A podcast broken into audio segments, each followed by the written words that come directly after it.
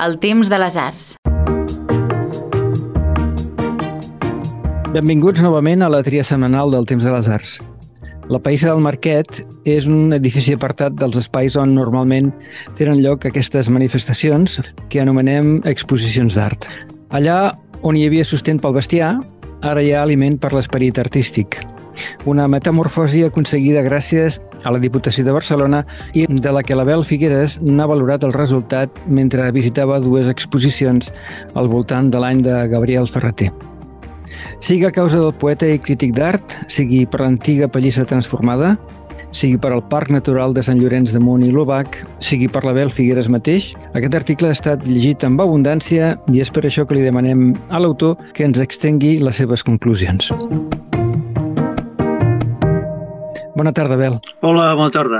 L'Abel és llicenciat en Belles Arts, especialitzat en escultura i gravat, ha estat catedràtic d'ensenyament secundari i professor del Batxillerat d'Arts Plàstiques, Imatge i Disseny. Està interessat per les relacions entre la teoria, la pràctica, l'educació i la crítica de l'art i del disseny i, a part de publicar amb el temps de les arts, ens fa el salt amb nombroses publicacions de tota mida i condició. Abel, la Païssa del Marquet està ubicada més o menys allà on Cristo va fer els tres crits. Vull dir que, que no és un lloc que un associa a exposicions d'art contemporani ni a actes culturals. El teu parer ha estat una bona idea?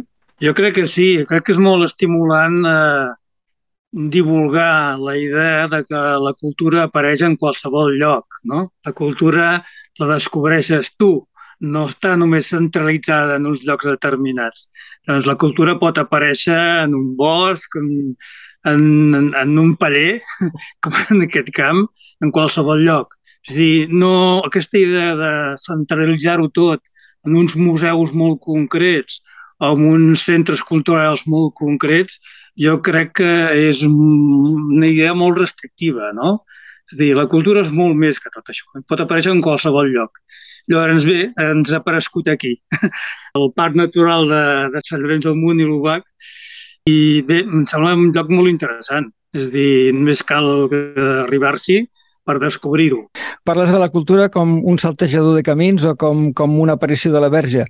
Jo crec que sí. És a dir, aquesta és una mica la gràcia. A més a més, tots els que vam veure el, el traspàs mm -hmm. del final del franquisme, sí fins a això que en diuen ara, aquesta democràcia que tenim, sí. eh, eh, tots vam haver d'autoorganitzar-nos i fer tota classe d'activitats. I llavors les activitats apareixien allà on, on tu estaves. Per exemple, jo a mi em va tocar, eh, vivia llavors a Reus i des d'allà fèiem moltes exposicions, activitats, etc.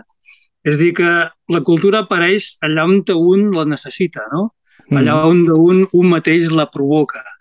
És dir, després, evidentment, hi ha uns centres que són capaços de organitzar grans moviments culturals, però pot aparèixer en qualsevol lloc. Jo crec que aquesta és una de les coses més interessants del fenomen cultural, no? que a vegades apareix quan menys t'ho esperes i amb les persones que a vegades menys t'ho esperes. És dir, moltes vegades persones, no sé, te pots creuar un pastor dalt d'una muntanya i eh, al, al cap d'una estona de conversa dius, carai, aquest individu té una cultura que jo no tinc. Té, això té, ho vull aprendre, sí. això m'interessa, no? Aquest sap com se diuen els arbres i les plantes i els animals i jo sóc bastant ignorant en moltes d'aquestes coses. No? És, un altre, és un altre tipus de cultura. Uh, la Pallissa, per això, és un lloc una mica especial perquè era el lloc, per exemple, on Joan Oliver tenia la casa d'estiueig i sembla ser un lloc on te, tenien lloc unes tertúlies, les tertúlies de la colla Sabadell. Potser això té alguna cosa a veure? Sí, és molt probable. Vull dir, no sé quin ha estat el desencadenant de tot plegat, però, evidentment, la història d'aquest lloc, d'aquest marquet de les roques que té la Païssa al costat, jo crec que pot influir molt en que s'hagin decidit a refer mm -hmm. aquest edifici i utilitzar-lo per qüestions culturals. Aquí la Colla de Sabell sembla ser que hi va fer moltes activitats de tot tipus, musicals, poètiques, etc. Eh, el Joan Oliver, el Francesc Trabal, l'Armand Ubiols, etc. no paraven, eh? no paraven d'organitzar tota classe d'activitats. Doncs ha estat molt bé que s'hagi intentat recuperar aquest espai, perquè tinc entès que havia estat en unes condicions ja. no, no del ja. tot agradables, diguéssim. No? Com tantes masies que hi han abandonades ah, per, per les nostres muntanyes. Tu que hi has anat, l'accés és fàcil? A la carretera està en condicions? Mm, L'accés no és molt fàcil. Vaja. Però també està bé, també està bé, no? A mi m'hi van portar en cotxe, jo no tinc uh, mitjà de transport privat, i les carreteres són estretetes, hi ha molts toms, però eh, està molt bé també, eh, que hi hagi una certa dificultat per accedir als llocs. que la recompensa quan arribes i la recompensa del trajecte, que és molt interessant, per la vegetació, pels espais, per aquella terra rogenca que hi ha en aquella zona, i el fet d'arribar-hi i veus allà el, la masiota aquesta del, del Marquet de les Roques és bastant impressionant. No? I després anar a la País al costat i veure que en exposicions d'art contemporani jo crec que és una recompensa que bé val eh, un petit eh, viatge ple de toms i de, de dificultat. No? Ho descrius com un àpat complet cultural. Natura, eh, arquitectura i, i, òbviament, el que hi ha dins de la païssa, les posicions o allò que, que hi hagi dins de la païssa.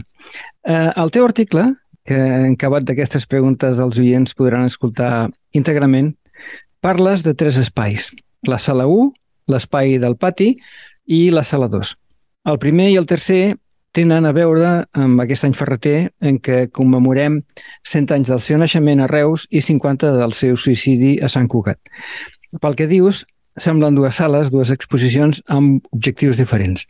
Una, el diàleg al voltant de l'obra d'en Ferreter, i l'altra s'acostaria més a una mena d'espai museïtzat, volem dir amb això que hi ha objectes, hi ha cartes, hi han coses que parlen d'en Ferreter. És així realment? Quina impressió n'has tret de, de les exposicions? Mm, bé, jo no utilitzaria el concepte d'espai museïtzat. És dir, això implicaria un projecte museogràfic, etc. Això és un centre d'art, un centre de cultura, no? Un centre on es fan exposicions. Són exposicions temporals. Eh, tot això és degut també a l'empenta d'una poeta i activista cultural com l'Ester Xargai, que és la que, que... També és, que també és col·laboradora del temps de, sí, de les arts. Eh, hem de dir-ho. Té una empenta impressionant i bé, és la que està organitzant tota, que, que a més a més de les exposicions també hi ha tallers i activitats de, tots, de tot tipus, no? Llavors són uns espais, són unes sales, unes sales on te passen tota classe de coses. pot haver fins i tot sorpreses, no? pot haver performance, pot haver tallers, i en aquest cas hi ha exposicions. I a les dues, ja que estem a l'any Ferreter, trobo que han tingut la bona idea de mm, inscriure's dintre d'aquest homenatge general que estem fent al, al Gabriel Ferreter amb dues exposicions. La una és molt divertida, per dir-ho així, perquè es titula Les dones i els dies, -huh. que és precisament el títol del llibre que recull els tres llibres del Ferreter. I la, la idea ha estat convidar a quatre artistes, quatre dones, que dialoguin, entre cometes, amb l'obra del Ferreter. I em sembla una idea interessant, perquè a vegades durant aquest temps també alguns han abusat de que eren amics del Ferreter, tothom ha aprofitat per fer les seves exposicions, però aquesta em sembla precisament que és, que és molt interessant, que està fet amb tota, amb tota la intenció, perquè són autèntics diàlegs. Fins i tot hi ha el cas, per exemple, de l'Èlia Llach, que li fa una, un, unes cartes personals. No? Diu unes cartes mm, a, a partir de plantejaments que el mateix Ferrer feia respecte a l'art. És com si li tornés la pilota. No? Em sembla molt interessant. I a l'altra sala, mmm, bueno, per mi és espectacular perquè eh, el Jordi Cornudella, que és el comissari de l'any Ferreter, eh, eh, ha recollit i ens mostra tota mena de documents sobre el Ferreter. S'hi poden trobar des de cartes escrites, eh, dibuixos de tota mena molt interessants, molt interessants, per entendre una mica aquesta obsessió que el Ferreter tenia per descobrir les coses. No? Ell no pretenia ser pintor, eh, el seu amic el Josep Maria de Martín ja en deia que el que feia eren provatures, no? entre cometes. Eh, ell no pretenia ser pintor, però és interessant com es planteja problemes, problemes plàstics i pictòrics. Hi ha dibuixos de paisatges i dibuixos de figures, eh, femenines, les, com les dones i els dies, eh, i hi ha com un intent de descobrir estilemes, eh, plantejaments conceptuals, etc respecte als artistes que li interessen. Eh? Llavors es veuen, són dibuixos que tenen eh, com un regust picassià a vegades, o de Cézanne, o d'alguna cosa cubista, eh, perquè eren les, les coses que amb ell més o menys interessaven en aquells moments que els estava fent. I tot això està omplint una sala, és dir, està tot ple de, d'expositors i vitrines i es poden veure cartes i es pot veure fotografies, eh, i evidentment hi ha tots els llibres, totes les edicions dels llibres allà a la vista i aquests dibuixos que són molt curiosos i interessants que crec que tothom els hauria de veure per entendre que un pot entrar pel darrere per poder entendre les coses. Que fi al cap, eh, Gabriel Ferter els va fer per poder-se dedicar després a la crítica d'art. Va escriure durant 7, 6 o 7 anys sobre art, va fer crítica a la revista Laie i el diari de Barcelona també, i bé, des del seu criteri, des del seu punt de vista, molt personal sempre, eh, va dedicar-se a parlar sobre l'art.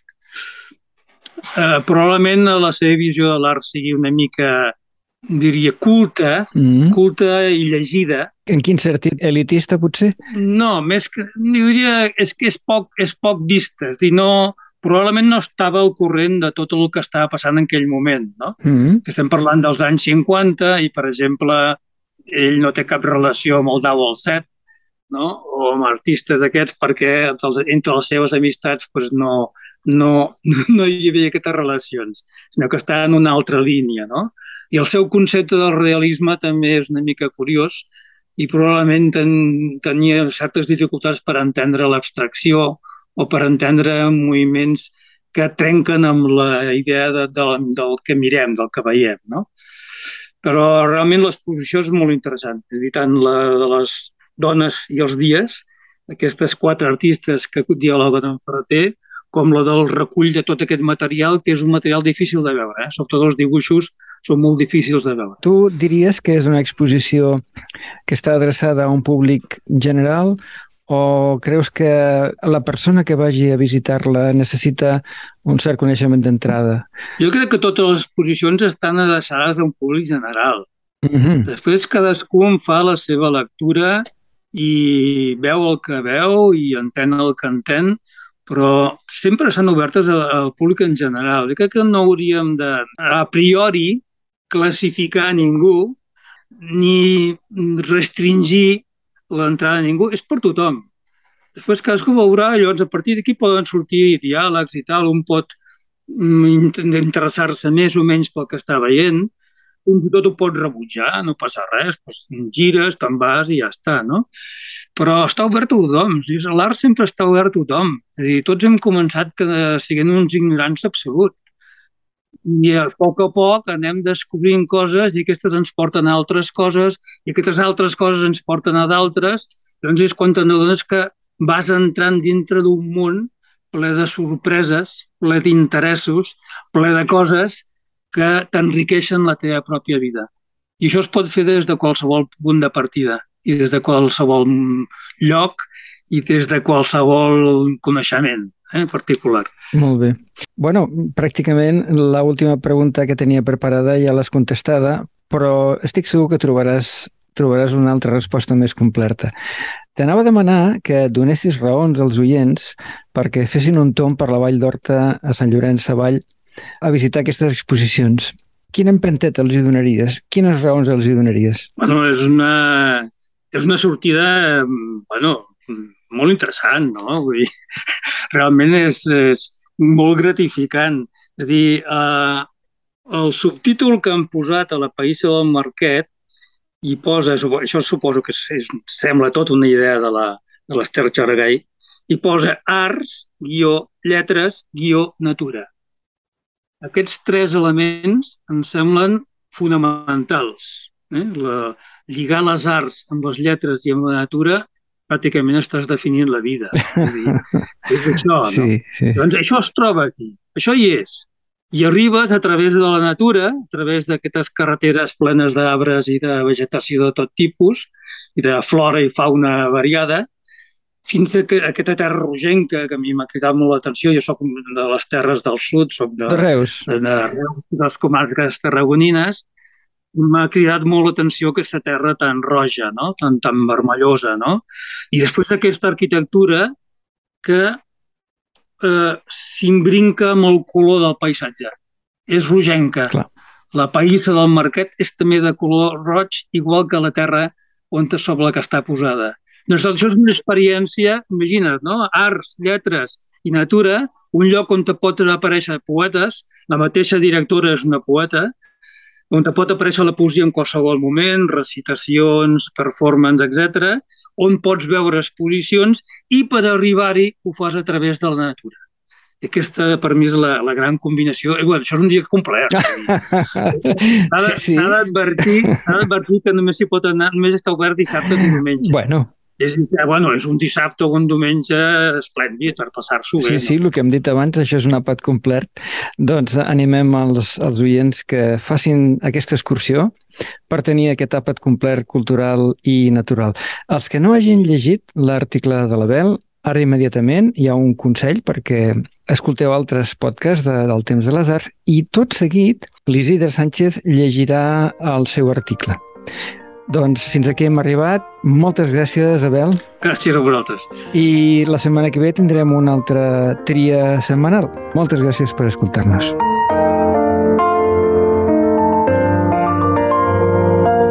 Hola, sóc Damià Morós.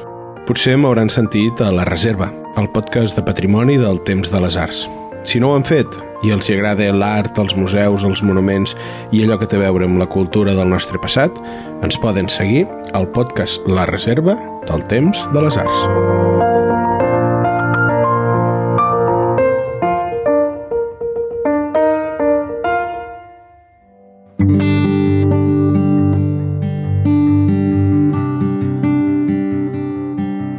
Les arts, les lletres i la natura es donen cita a la Païssa del Marquet. No totes les exposicions interessants tenen lloc en els grans museus ni en les galeries més reconegudes ni tampoc a les capitals més pretesament cosmopolites.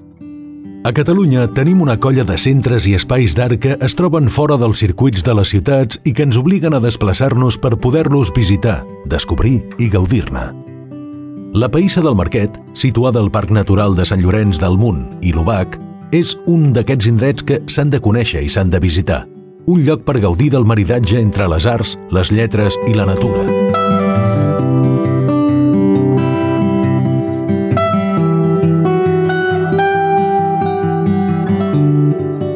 És una experiència inoblidable anar un dissabte o un diumenge al Parc Natural, enfilar les estretes carreteres des de Sant Llorenç avall pujar per la vall d'Horta fins a arribar a una imponent construcció de color vermellós amb l'aspecte de masia i o de casa castell senyorial. Es tracta del Marquet de les Roques, un edifici rogenc com la mateixa terra d'aquesta vall, fet amb pedra aglomerada i maó vist, que fou residència d'estiueig del poeta Joan Oliver i on tingueren lloc molts diverses tertúlies literàries, com les de la colla de Sabadell i és molt gratificant veure i fruir de les exposicions i les activitats que tenen lloc a la Païssa un petit edifici molt més baix, del mateix color vermellós, situat al costat del Gran Casalot. L'alma mater i directora d'aquest espai de confluència entre les arts, les lletres i la natura és Esther Xargai, poeta, escriptora i activista cultural. Actualment, a més dels tallers, els recitals i les altres activitats que periòdicament hi tenen lloc s'hi poden veure dues exposicions temporals que s'inscriuen a les activitats de l'any ferreter. A la sala 1, amb el comissariat de la mateixa Esther Xergai, hi trobem les propostes de quatre artistes contemporànies que dialoguen amb l'obra de Gabriel Ferreter. És una mostra que porta per títol Les dones i els dies, com el llibre que aplega els poemes de Ferreter. Mar Arza, Castelló, 1976, i exposa el seu desert cicatriu de 2008, una peculiar marqueteria en la qual les paraules d'un text han estat tapades i ocultades. Només hi podem veure i llegir l'espai entre línies, on solament es fan visibles els signes de puntuació o els traços ascendents i descendents que sobresurten dels cossos centrals de les lletres. El seu treball fa pensar en el sentit de les paraules, en el significat dels silencis, en la importància dels espais, dels signes de puntuació. Ve a ser com una metàfora literal, gràfica i pictòrica del concepte de llegir entre línies, del fet de cercar el possible abast i valor d'allò que s'oculta o no es diu, talment com a la poesia del silenci. I a més, tal com diu l'autora, si les entrelínies es disposen de manera consecutiva, es forma un paisatge de cicatrius, on s'entrellacen les entrelínies com una sutura a la ferida del llenguatge. Marta Darder, Barcelona 1963, ocupa un pany de paret amb una mena de muntatge expansiu, desbordant, heterodox i complex, fet amb tota mena de mitjans. Papers, lletres, textos, branques, escultures trencades, altaveu, fragments, fils, etc. Tot plegat, com diu ella, esdevé una instal·lació indisciplinar amb escultura, inscripcions, poesia, joc i àudio. Una tècnica mixta de mides variables que s'adapta a aquest espai i a aquesta paret. El títol també és complex i està format per diversos títols que fan referència al poeta, als objectes, als poemes, als noms, a les dones i als dies, des d'Issurs de tu fins a Helena, Helena, Helena.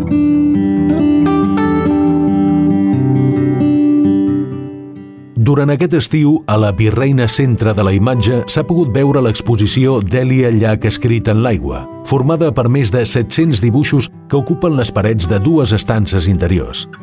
A partir de records i citacions de l'epitafi de la tomba de John Keats, així jau algú el nom del qual fou escrit en l'aigua, del pròleg d'Escribir en el agua, cartes 1930-1992 de John Cage i del poema d'Enric Casasses, la manera més salvatge. Ja complia de molts diversos traços una gran quantitat de fulls i papers que ocupaven totes les parets de les dues sales, com si es tractés d'un altre viatge al voltant de la seva habitació. Ara, a la Païssa, Llach presenta cartes a Gabriel Ferreter, cinc cartes manuscrites dirigides al poeta penjades a la paret de manera senzilla i austera, a la manera de quadres o dibuixos. En aquesta ocasió, l'artista, que destaca habitualment pel dibuix com a principal mitjà d'expressió, utilitza l'escriptura per establir un diàleg amb el poeta. Són textos directes i personals plens d'observacions, de reflexions, de preguntes. Una de les cartes comença així. Potser hauria de practicar alguns versos per entendre veritablement la poesia. Et va funcionar a tu entendre la pintura pintant alguns quadres?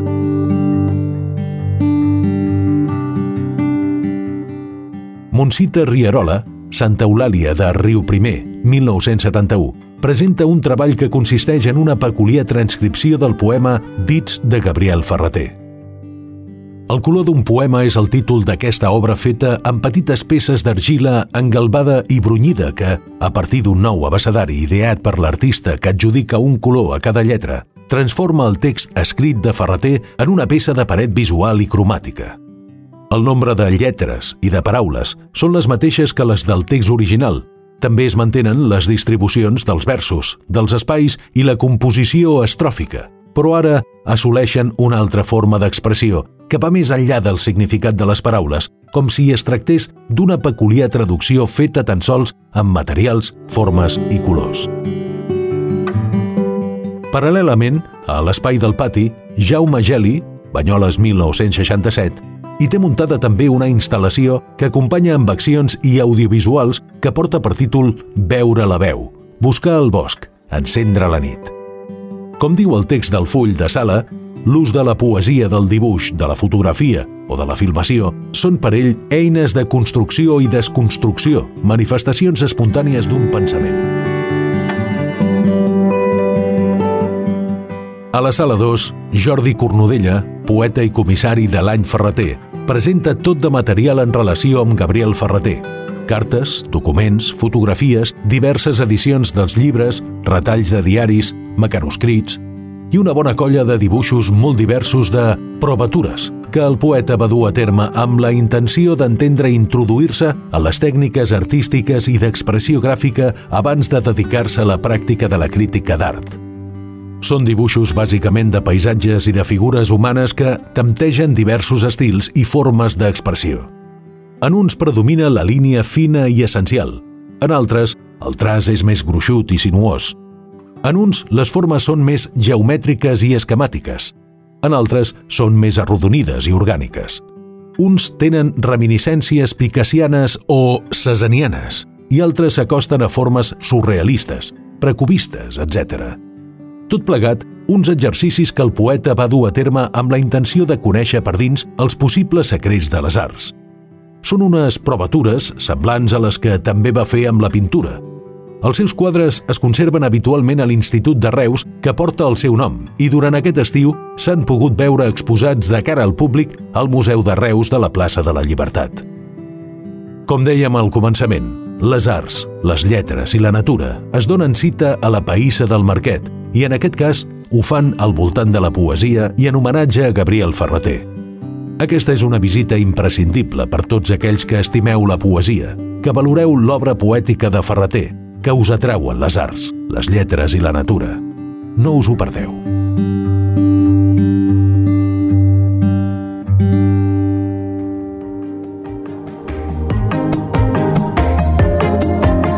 Fins aquí la tria setmanal del Temps de les Arts. La música d'aquest episodi és del Robert Meunier i de l'Eugeniuts Betlinski. Si us ha agradat, us demanem que ho compartiu a les xarxes socials amb la vostra colla de la Pessigolles. Alternativament, Podeu escriure missatges elogiosos al nostre programa i un cop transformats en avionets de paper, llançar-los des del cim de la Serra d'Olobac. Moltes gràcies per escoltar-nos.